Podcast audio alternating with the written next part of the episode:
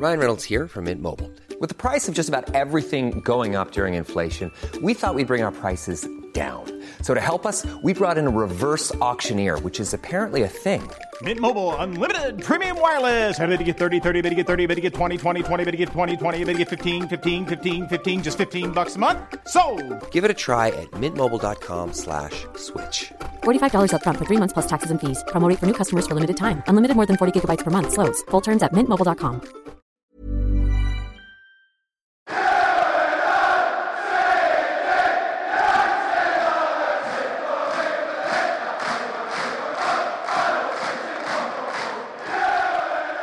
Halo fans Kardus, pemarah kekalahan di kandang, kalian-kalian di- dikecewakan MU, peracau di Twitter, baik saat kalah maupun menang, peribut all in all out, dan semua kegantengan MU di luar sana. Baik lagi di podcast MU ala-ala, ganteng-ganteng Manchester United di episode kelima. Sebenarnya gue agak kurang mood buat bahas episode kali ini.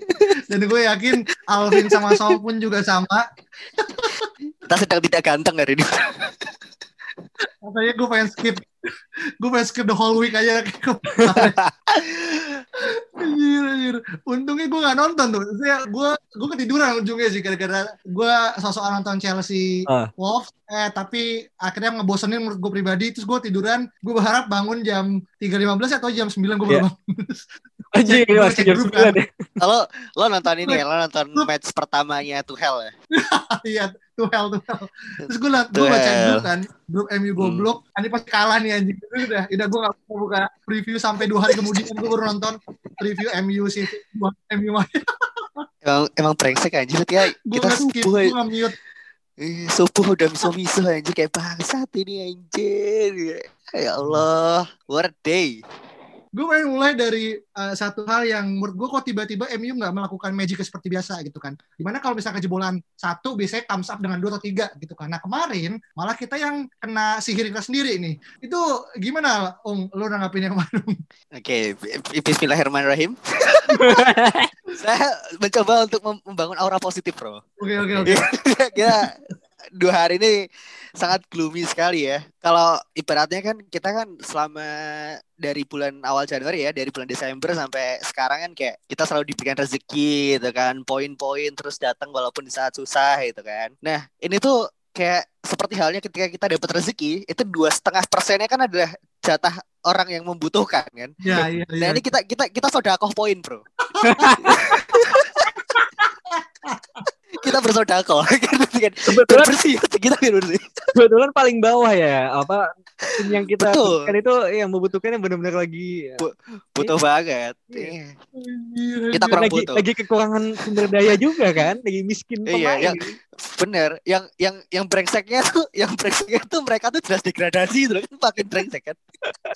Aduh, aduh, aduh. Tapi joke, aside ya, gue waktu waktu lihat uh, susunan line up-nya itu, gue sempat mikir kalau wah ini ini kayak bakal sulit nih untuk untuk MU menang. kenapa Itu pun sulit karena gue lihat susunan Sheffield itu dia main pakai formasi 352 sementara si Ole uh, dengan pakemnya kan 4231 gitu. tapi tapi Lalu sorry em, tapi Sheffield kan emang udah expected kayak gitu kan mainnya maksudnya formasi ya kan betul. Tapi masalahnya adalah uh, waktu di kandang mereka pun kita kesulitan gitu loh. Dan Iya. gua nggak expect, gua nggak expect apa namanya Sheffield tuh bakal main terbuka gitu. Paling nggak mungkin dia akan main terbuka, apalagi di Old Trafford kan. Cuman gue cuma berharap kayak ah, harusnya ada something gitu dia oleh karena dia dia kan pasti kan main akan main low block dan ngandelin counter attack kan si Sheffield. Iya. Dan ternyata betul gitu waktu waktu Sheffield ngegolin pertama tuh bakal sulit banget untuk untuk ngejebol si si Sheffield gitu karena MU yang main dengan transisi cepat nggak benar-benar sama sekali nggak bisa nggak bisa apa ya nggak bisa Bongkar. ngebongkar gitu Iya. loh itu sih yang gue kecewa dan iya ngebongkar si Sheffield itu tambah lagi defending yang tai banget makin makin sulit benar-benar makin sulit untuk untuk apa ya untuk menang gitu which is ya ya I think one of those days lah Mm. gitu. Hmm. Sheffield Sheffield deserve untuk menang. Sheffield deserve untuk menang. Karena MU benar-benar main jauh di bawah ekspektasi. ya ya Nah, terus eh, ini Om, eh, sorry, eh, tadi kan lu bilang kayak apa namanya, kenapa? Nah, gue sebenarnya pertanyaan belum menjawab sih, kayak kenapa kemarin tuh simple oleh nggak, saya MU nggak kemudian comes up dengan ketinggalan satu gol, kenapa nggak nyetak dua gol lagi? Nah, kalau lu gimana, Vin? gue ya em, banyak faktor sebenarnya banyak banget gua nggak bisa bilang kayak faktor kelelahan ya karena semua tim kelelahan. Meskipun Hmm. MU pun kemarin main FA Cup lawan Liverpool sedangkan Sheffield enggak. Tapi buat gua itu bukan jadi sebuah alasan karena ya setiap musim kan itu terjadi gitu pada beberapa tim yang papan atas yang pemainnya kualitas lebih bagus. Jadi apalagi lawan kita ini Sheffield kehilangan 9 pemain gitu. Jadi ini udah adu adu taktik aja menurut gua. Nggak- Kita nggak nggak ngomong nggak ngomongin fatigue lagi. Menurut gua salah satu hal yang membuat perbedaan adalah pertahanan gitu. Gua ngelihat biasanya ya biasanya ketika kita 1-0 ketinggalan, biasanya kita babak pertama at least bisa cetak satu gol gitu. Terus bisa eh, draw dulu lah satu babak. Tapi kemarin memang kita nggak bisa bikin banyak peluang. Oke oke gitu. Gua masih bisa sabar tapi di babak kedua itu disasternya itu ternyata di pertahanan yang bikin kayak ini tuh gol-gol yang nggak penting untuk terjadi gitu. Bahkan gol pertama pun meskipun orang bilang bahwa itu ada kemungkinan pelanggaran, tapi tetap aja DH harusnya bisa tonjok lebih keras lagi lah gitu. Itu kan nggak kena bolanya gitu. Kok bisa gitu sefatal itu? Depannya juga Tuan ZB nggak kena gitu. Nah itu satu pertahanan. Gol kedua itu lebih parah lagi. Itu kalau kata Coach Justin itu gol SSB itu. Kayak itu udah empat lawan empat gitu kan satu lawan satu. Tapi ada beberapa main yang emang tidak tidak bekerja sesuai sesuai seharusnya gitu. Kayak contohnya Anthony Martial dia diem aja di situ, nggak coba marking gitu. Pogba nggak nggak salah gitu karena dia jaga zona di situ. Jadi memang koordinasinya udah jelek gitu pertahanan. Andai itu nggak kebobolan, gue yakin MU masih bisa menang gitu. Gue yakin masih bisa karena udah cukup terbuka ketika satu-satu Maguire kayak gitu. Jadi di samping kita nggak bisa golin juga deadlock seperti biasa lawan low block kayak gitu. Tapi secara pertahanan pun nggak bagus gitu. Jadi menurut gue yang costly itu di pertahanan ya. Cara kita tahu kalau udah kebobolan lawan yang low block itu udah cetak gol jadi 2-1 itu diserang makin sulit lagi karena dia udah makin rapat pertahanannya gitu sih. Ya. Jadi Ya. pertahanan menurut gua. Gue rasa sih secara mindset, I think mereka mengunderestimate Sheffield United sih. Ya. Karena dengan menang menang di kandang lawan Ultra eh menang di Old Trafford lawan Liverpool 3-2 lalu eh, datang Sheffield dengan 9 pemain nggak bisa main dan dengan permainan yang seperti kemarin itu ya yang tanpa intensitas sama sekali gitu. Bahkan kayak masuk ke golin satu-satu pun habis itu nggak ada intensitas sama sekali. Defense pun kacrut bang. Gue rasa mereka underestimate gitu loh. Pemain dan dan Ole juga gitu loh. Dengan harusnya babak pertama itu selesai babak pertama half time gue expect Martel tuh diganti sama Cavani sih tapi malah Greenwood yang diganti tuh gue masih gak habis pikir padahal dia selama 60 menit dia pemain yang terbaik di depan di antara tiga orang Martial, Rashford dan Greenwood tuh dia yang paling paling bikin ancaman gitu loh. Iya, kalau kalau ngomong intensitas iya gitu. Gua gua nggak mau mencoba ngomong secara individu ya, tapi secara intensitas bener sih kayak pas satu-satu pun apalagi terutama pas satu dua gitu kayak intensitasnya segitu-gitu aja gitu. Nggak nggak naik yang kayak lu tuh lagi lagi butuh gol loh gitu kan. Butuh at least equalizer equalizer aja nggak nggak terlihat seperti itu gitu. Jadi ini tuh main kayak udah lagi unggul jauh gitu loh mainnya. Oper santai santai kayak ya makanya gue bilang ini mau seri pun buat gue rasa kalah gitu mau menang pun gue juga marah gitu kayak lebih ke cara mainnya aja yang itu gue nggak nggak mau bilang MU underestimate karena praktis kalau dari susunan pemain juga Tuan CB main juga itu kan karena mau nggak mau gitu kan. Dan sisanya kan full tim gitu. Cavani pun secara eh, yang udah kita ekspektasikan gue mungkin ya gitu nggak akan main karena udah dua match beruntun kayak gitu. Jadi kalau misalnya intensitas nggak nggak bekerja gue gua nggak bisa bilang itu underestimate sih karena itu lebih ke pemainnya aja yang nggak mau gitu loh. Tapi kenapa satu tim kayak gitunya? Itu yang gue nggak paham. Oke. Tactically mungkin, ya kan? Bisa jadi sih. Tapi ini gue gue pun gue nggak nonton tapi gue mau lihat review beberapa kali dan beberapa menit. Eh, jujur gue agak kecewa dengan uh, front three kita ya. Misalnya Rashford, uh, Martial sama Greenwood pun terlepas tadi bilang Greenwood mainnya cukup bagus. Tapi gue merasa beberapa chance itu terbuang sia-sia gitu. Kayak let's say di babak pertama yang Rashford dapat umpan tarik dari I think dari Bruno atau dari Wan Bisaka gitu. ya Yang Wan Bisaka ya di kanan. Menurut gue kalau dia bisa jauh lebih tenang dan jauh bisa lebih dewasa dalam terpetik sebagai seorang striker, I think itu harusnya gol kayak gitu kan. Dan juga Greenwood yang di babak kedua dia dapat umpan dari gue lupa dari siapa, dia uh, apa nendang kaki kanan tapi ujungnya bahkan nggak sampai menyentuh apa namanya uh, post bar di apa di far court di far post gitu. Iya. Nah itu gue ngerasa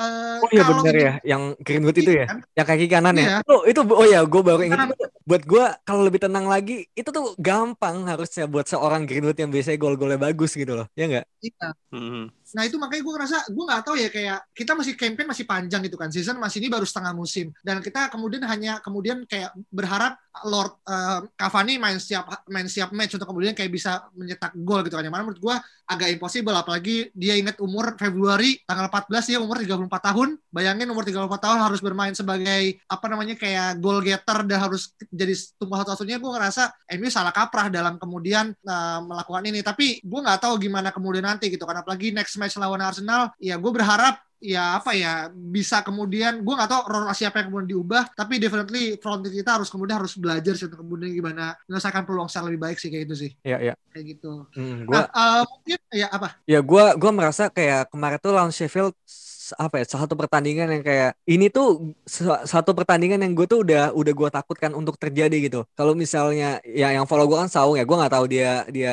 lihat apa enggak tapi gue dari beberapa match sebelumnya kayak lawan Everton di FA Cup, lawan Aston Villa, Wolves terus Burnley bahkan gitu Fulham gue tuh udah marah-marah gitu kan kayak ini tuh mainnya bikin fans deg-degan nggak bisa kill the game mainnya juga oke udah lebih kohesif gitu udah udah udah lebih as a team. Tapi masih ada beberapa hal yang kurang gitu loh. Kayak di pertahanan sering gol-gol aneh. Ingat lawan Aston Villa kebobolannya kayak apa coba? Yang apa? Yang fast quick uh, apa? Quick free kick kan? Yang Wan Bisaka rather than harusnya ngejaga tapi dia malah sosokan mau nutup gitu loh. Mau ngehalangin Iya, iya. gitu. pada akhirnya bolong kan di kiri si Grealish kayak gitu. Menurut gua itulah gol-gol nggak penting tuh harusnya bisa dicegah. Gue udah marah-marah ini harusnya bisa kill the game. Harusnya gol-gol nggak penting itu nggak terjadi gitu. Dan pada akhirnya ya kenanya di sini gitu. Udah golnya juga nggak penting kebetulan front three kita termasuk Bruno dan Pogba lagi off gitu. Kita nggak bisa salahin mereka juga yang tiap-tiap match main kan kayak gitu sih Iya iya iya iya iya. Ya meskipun ini ya, gue gue pun juga turut berduka juga selepas MU kalah, tapi ada insiden yang menurut gue juga agak cukup menyedihkan terjadi, bahkan didapatkan dari internal eh,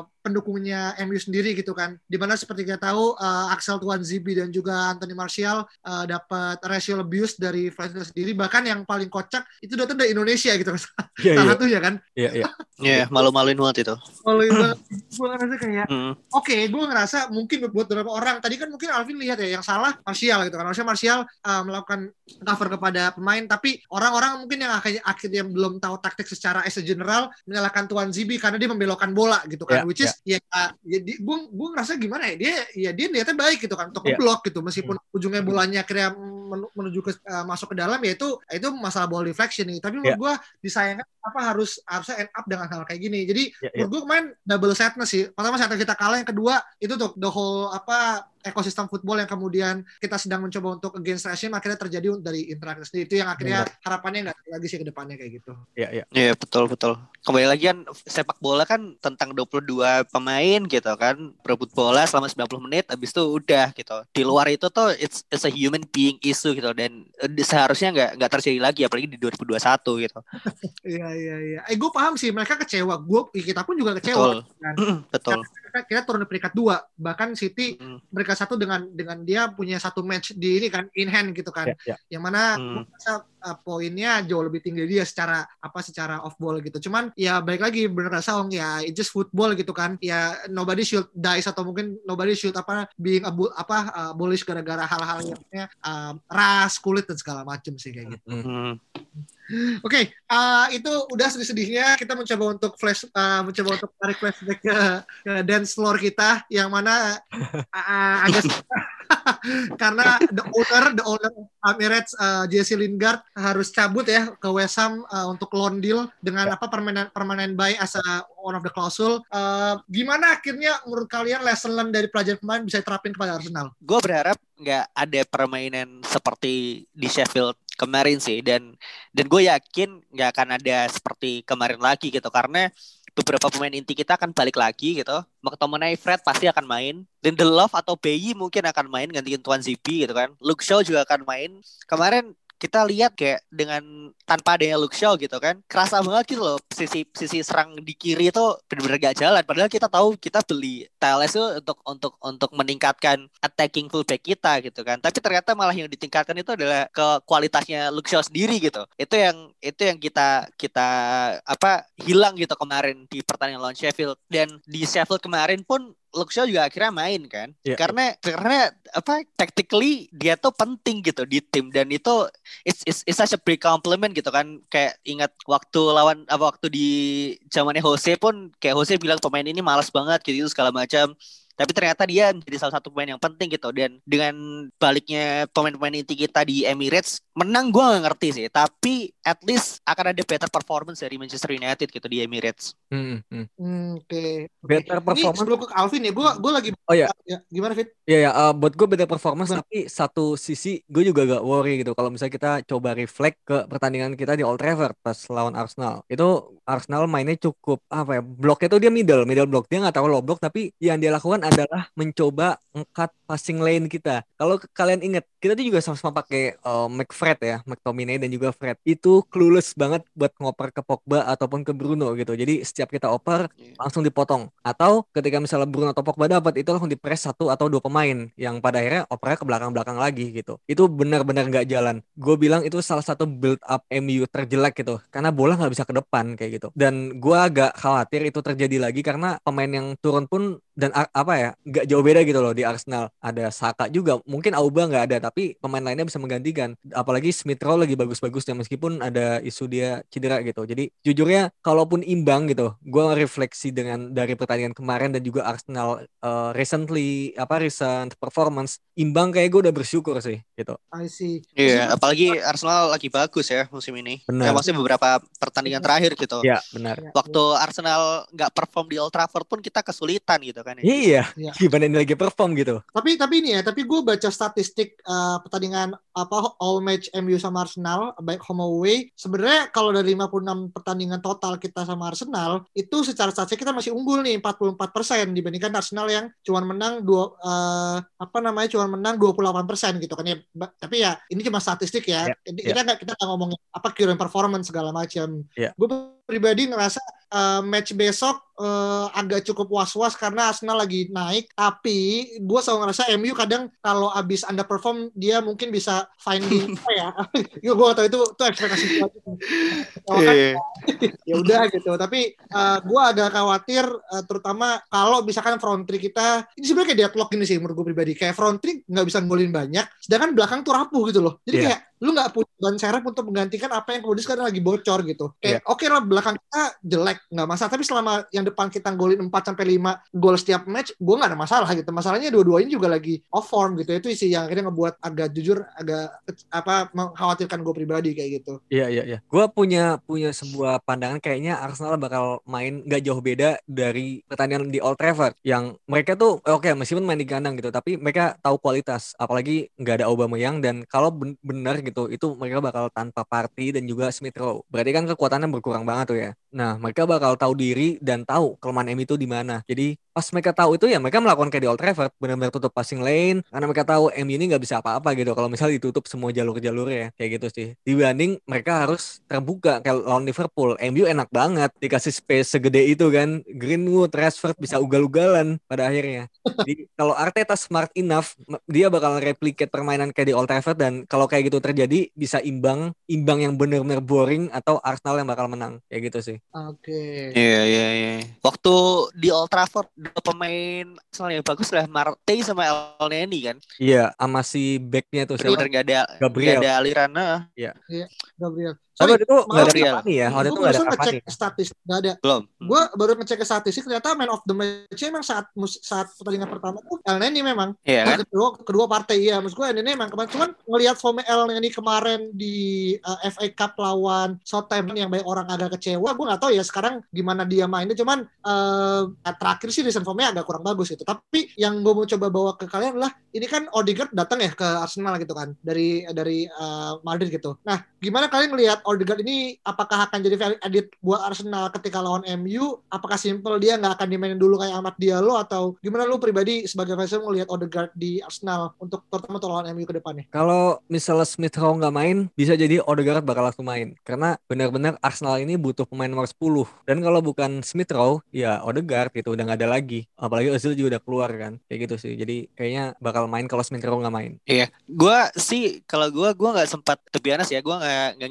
ngikutin Liga Spanyol dengan sangat gitu. Cuman uh, waktu Odegaard dibeli di loan ke Arsenal sempat ada kayak statistik gitu kan. Di Liga Spanyol itu dia salah satu pemain yang chance creatednya paling tinggi. Iya. Iya. Sama kayak Messi gitu. Which mean dia pasti akan memberikan pembeda gitu loh di di apa namanya di Arsenal. Dan apakah dia akan main langsung? Gua nggak tahu. Gua harap sih enggak. Tapi ngelihat Arteta dan dan performa Arsenal musim ini gua nggak kaget kalau dia nanti akan main sih gitu. Dan sebenarnya Odegaard nih uh, kalau kita flashback ya beberapa tahun yang lalu tuh dia kan benar-benar kayak wonderkid yang semua orang pengen beli gitu. Semua orang pengen pengen pengen jasanya Odegaard gitu. Sampai-sampai kayak klub-klub tuh kayak udah lo datang dulu aja ke ke klub gua lo lihat-lihat gitu. Iya, iya. sampai akhirnya uh, dia ke Madrid gitu. Dan dia pengen kayak gua dia waktu interview di Madrid tuh, tuh dia bilang kayak gue pengen masuk ke first teamnya gue pengen menang trofi segala macam. Tapi somehow sampai sekarang pun dia masih kesulitan gitu untuk untuk masuk tim inti dari Real Madrid gitu. Dan mungkin Odegaard memang memang, memang bagus gitu. Cuman apakah kualitinya akan bisa langsung apa ya bisa langsung kelihatan gitu itu yang perlu kita tunggu sih jadi gue sampai sekarang masih masih belum ada kekhawatiran gitu apakah Odegaard akan langsung memberikan impact atau enggak Hmm, hmm, hmm. Apalagi Liga Inggris ya yang tidak ramah untuk apalagi Liga Inggris betul Hmm, dia kan kayak pemain-pemain Iya, yang kayak kecuali- style, iya, yang stylish, yang physically kayak agak apa fragile gitu kan. Itu dihajar Iya. McTominay kayak langsung jatuh-jatuh tuh. Iya, kayak Neymar sama McTominay kan kayak kayak clueless gitu waktu Iya. waktu di apa namanya di Park the Princess kan waktu pertama Iya, iya. kemarin Liga Champions kayak Iya. anjing ini McTominay siapa sih ngikutin gua mulu. iya, iya kayak gitu. Iya. Nah, Ya ngomong gitu masalah eh, apa di body dan juga jatuh, kalau kita ngomongin Arsenal sama MU, rivalitas kita kan cukup terjaga ya, terutama di era-era 2000-an awal. Iya. Eh, ya apalagi pada saat momen yang paling head up ketika eh, Vieira dan juga Roy Keane eh, as kapten buat dua klub eh, terlibat adu cekcok gitu kan, eh, bahkan sebelum pertandingan dimulai gitu. Iya, iya. dan di mana sampai sekarang mungkin eh, re- udah mulai meredah gue nggak tahu apa karena udah nggak ada sensitivitas yang cukup tinggi lagi antara dua belah dua belah pihak atau mungkin be- beda beda jurnal segala macam malah gue ngerasa kadang mungkin ya besok yang panas tuh bakalan di di, di punditnya bakalan Vin Iya, Ferdinand sama Iya iya iya. Ian Wright kali. ya. gue ngerasa lebih panas di sana gitu timbang di lapangan gitu karena gue pribadi ya gue gue bukannya penikmat sepak bola yang tarkam enggak. Cuman gue kadang ngerasa ya rivalitas tuh akhirnya menjaga pride dari dua belah pihak. Dan gue rasa sekarang yang bisa Arsenal ya udah act like uh, as a team yang kemudian securing tiga points dan nggak kalah di, di di home atau away gitu. Dan menurut gue that's it gitu. Iya, Nah, iya. ada nggak sih momen yang kalian rindukan dari MU sama Arsenal? Kalau kita ya gue yakin MU sama apa Saung kan nonton lama nih MU nih. Lu ada nggak sih momen yang berkesan dari dua match ini ketika lu sebagai supporter MU kayak gitu? Mungkin dari Gua- Alfred dulu, Vin. Iya, gua itu pernah nonton match yang ini 2004 kalau nggak salah, yang MU mutus mutus unbeaten Arsenal. Oke. Itu wah bener-bener itu menurut gue ya, gue nggak tahu wasit itu emang agak-agak ya waktu saat itu. Gue lupa siapa wasitnya, botak lah kalau nggak salah gitu.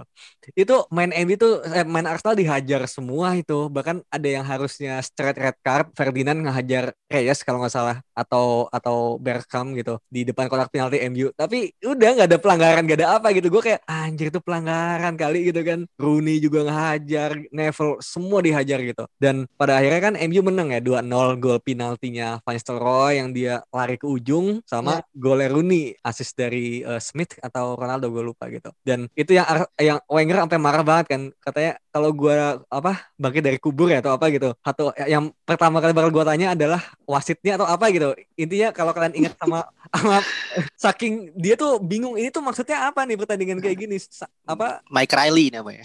Apa wasitnya ya Ya, nama Mike Riley. ah ya oke itu jadi sampai Wenger marah banget dan gue kan fans Arsenal semua marah itu salah satu yang berkesan menurut gua Oke. Iya iya iya. Dia itu itu match itu memang memang cukup terkenal sih karena build up-nya kan. Build up sebelum match itu kan ada Battle of Old Trafford dulu, Bro. yang Van Nistelrooy dipukul-pukul itu ya Yang Van Nistelrooy dipukul-pukul. tahun lalunya ya kan gagal final Iya, itu itu itu kan imbang kan 0-0 kan saat Iya, itu. iya. Itu yang waktu Vieira segala macam itu si apa namanya gagal penalti langsung mukul-mukulin si Van Nistelrooy si siapa namanya Van Nistelrooy ya kan. Backnya siapa Adams ya Adams situ. waktu itu Adams Adams. Iya iya iya iya.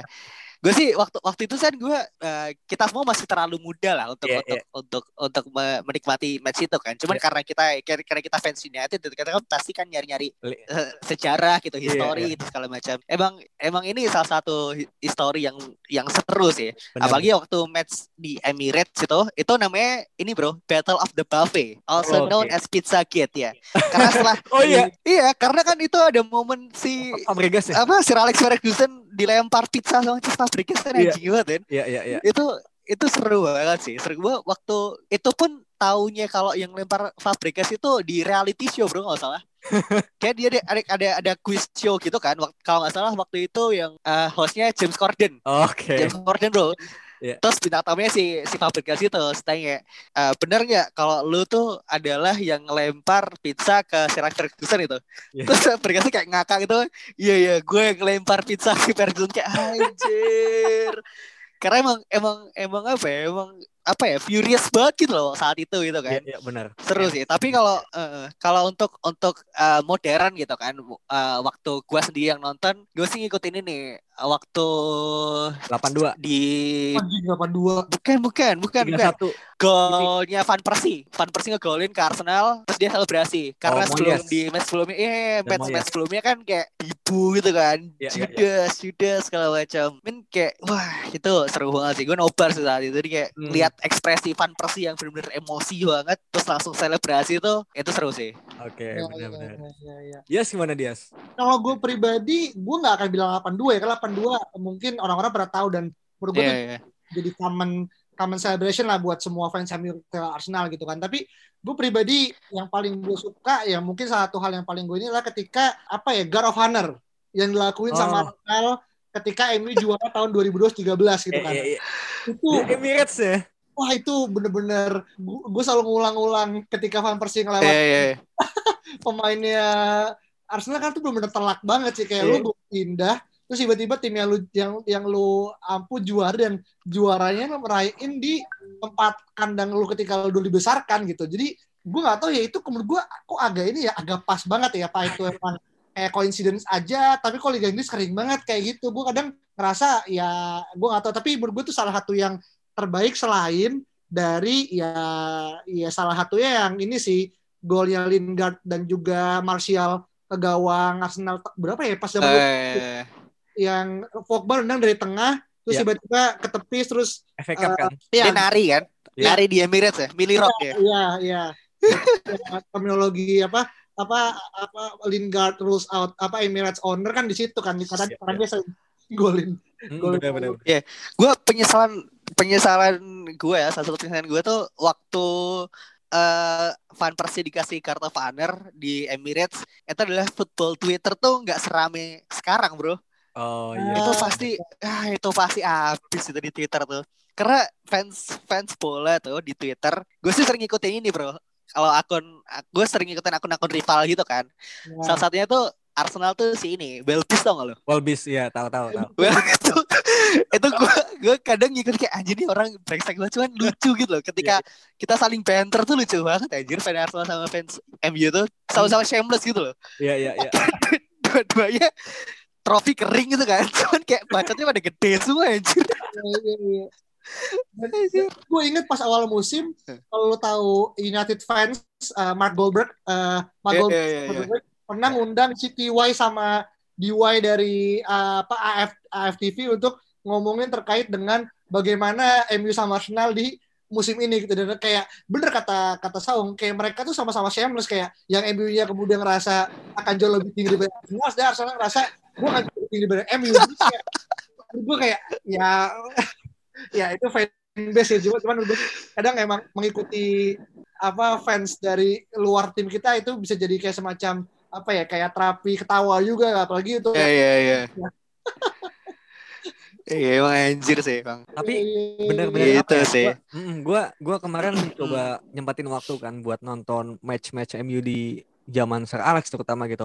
Satu hal ini mungkin agak out of topic ya. Itu gue merasa eh, dulu tuh pemain MU banyak yang jadi perbedaan yang paling kentara dari sekarang adalah positioning. Jadi dulu tuh pemainnya misalnya ada, ada misalnya sekarang gitu kan. eh, dulu deh misalnya Scholes pegang bola itu pada turun tuh si Rooney, Van Nistelrooy atau Ronaldo gitu itu turun buat jemput bola.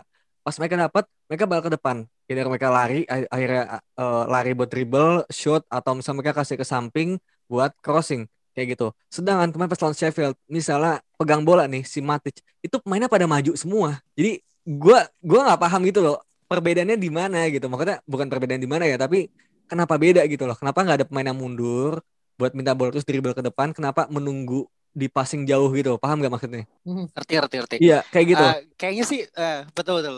Salah satu salah satu apa ya yang bikin Sir Alex Ferguson jago tuh kan bukan karena tactically-nya kan sebenarnya, tapi karena kayak man managementnya gitu loh si Sir Alex itu. Jadi mungkin pendekatan yang di, dilakukan itu untuk sekarang tuh beda gitu. Uh, Solskjaer kan pernah bilang kayak eh, untuk untuk untuk dekat sama pemain zaman sekarang kan kita harus hati-hati gitu. Karena zamannya udah beda udah ada sosmed gitu itu kan. Kayak apa yang kita lakukan itu punya impact yang beda gitu. Kalau zaman dulu kayak ibaratnya kalau lo main jelek lo ditempeleng gitu. Dan gue ingat salah satu quote-nya Sir Alex tuh bilang gini bro. Kayak orang-orang itu datang ke match kita itu nonton karena selama satu minggu tuh dia udah kerja susah capek nyari duit segala macam kan. Iya. tapi ketika lo ngasih bad performance ketika lo main lo ngasih bad performance lo sama aja kayak bikin susah fans lo gitu Hmm. kalaupun lo apa ya lo kesusahan at least give give your best shot gitu kayak zaman jangan sampai orang nonton tuh kayak bosen gitu segala macam Ya. tapi berikan yang terbaik gitu karena apa in the end fans tuh cuma pengen terhibur kita doang gitu Ya. jadi kalau misalnya ada ekstra extra miles gitu, extra spirit dari si pemain-pemain zaman Ferguson tuh karena karena hal tersebut gitu Hmm, hmm. jadi sampai sampai rela untuk untuk turun jemput bola gitu sampai benar-benar defend tuh benar-benar defend banget segala macam kayak contohnya waktu Solskjaer di kartu merah lalu ingat ya waktu uh, pemain musuh kayak dia udah benar-benar one on one gitu sama si kiper MU terus kayak Solskjaer benar-benar lari sendirian Iya, iya. terus nge-tackle sampai kartu merah itu kan orang apa pengen zaman dulu tuh sampai segitunya gitu loh sementara Iya. waktu kita lihat Sheffield kemarin tuh Martial miris gue anjir kayak ah, kan anjir banget waktu maksudnya lo lo salah passing nih at least lo tanggung jawab dong Iya. lo Eh, tanggung jawab orang lain. apa segala macam malah Bruno Fernandes anjir Dan, Lo dan tanggung kemarin, orang lain kan anjir banget kemarin Bruno ngelakuin loh Bruno kemarin kalau lihat di babak kedua yang dia nge-tackle bola ketika iya corner itu dia menurut gue tuh salah satu hal yang perlu kita salut ya karena anjing ini orang benar-benar benar-benar punya passion buat MU hmm. Iya. tunjukin benar-benar kayak gua adalah main depan ketika bola ke belakang gue bisa ngejar gue akan tackle dan gue akan rebut bola dan kemarin gue benar-benar ngasih respect ke Bruno cukup tinggi saat match itu kemarin sih Iya. Cavani pun juga gitu kan beberapa Iya. match terakhir dia sering sering jemput bola ke tengah gitu. Benar. Pan- pantul dia lari lagi segala macam. Hmm, benar. Sementara Martial kan nggak gitu gitu. Mm-mm. dia berapa Kalau main kita tuh nggak nggak seperti Iya. itu. Yang ini Martial yang yang di depan kotak penalti kita. Dia ngomong ke Bruno Brunonya nggak dapat terus dia ngangkat tangannya kayak aduh gimana nih? gitu kan. Kayak ah, lu salah gitu lu mundur gitu dibanding lu protes-protes kayak gitu itu sih bikin emang anjir banget sih Iya, iya, iya, iya. Oke, nah mungkin em, as a apa uh, last ini uh, discussion, uh, gimana prediksi skor uh, untuk MU, sorry Arsenal MU uh, minggu ini bro? Dari lu dulu deh, dari Alvin. gua eh, satu-satu deh Satu-satu, Ya. oke.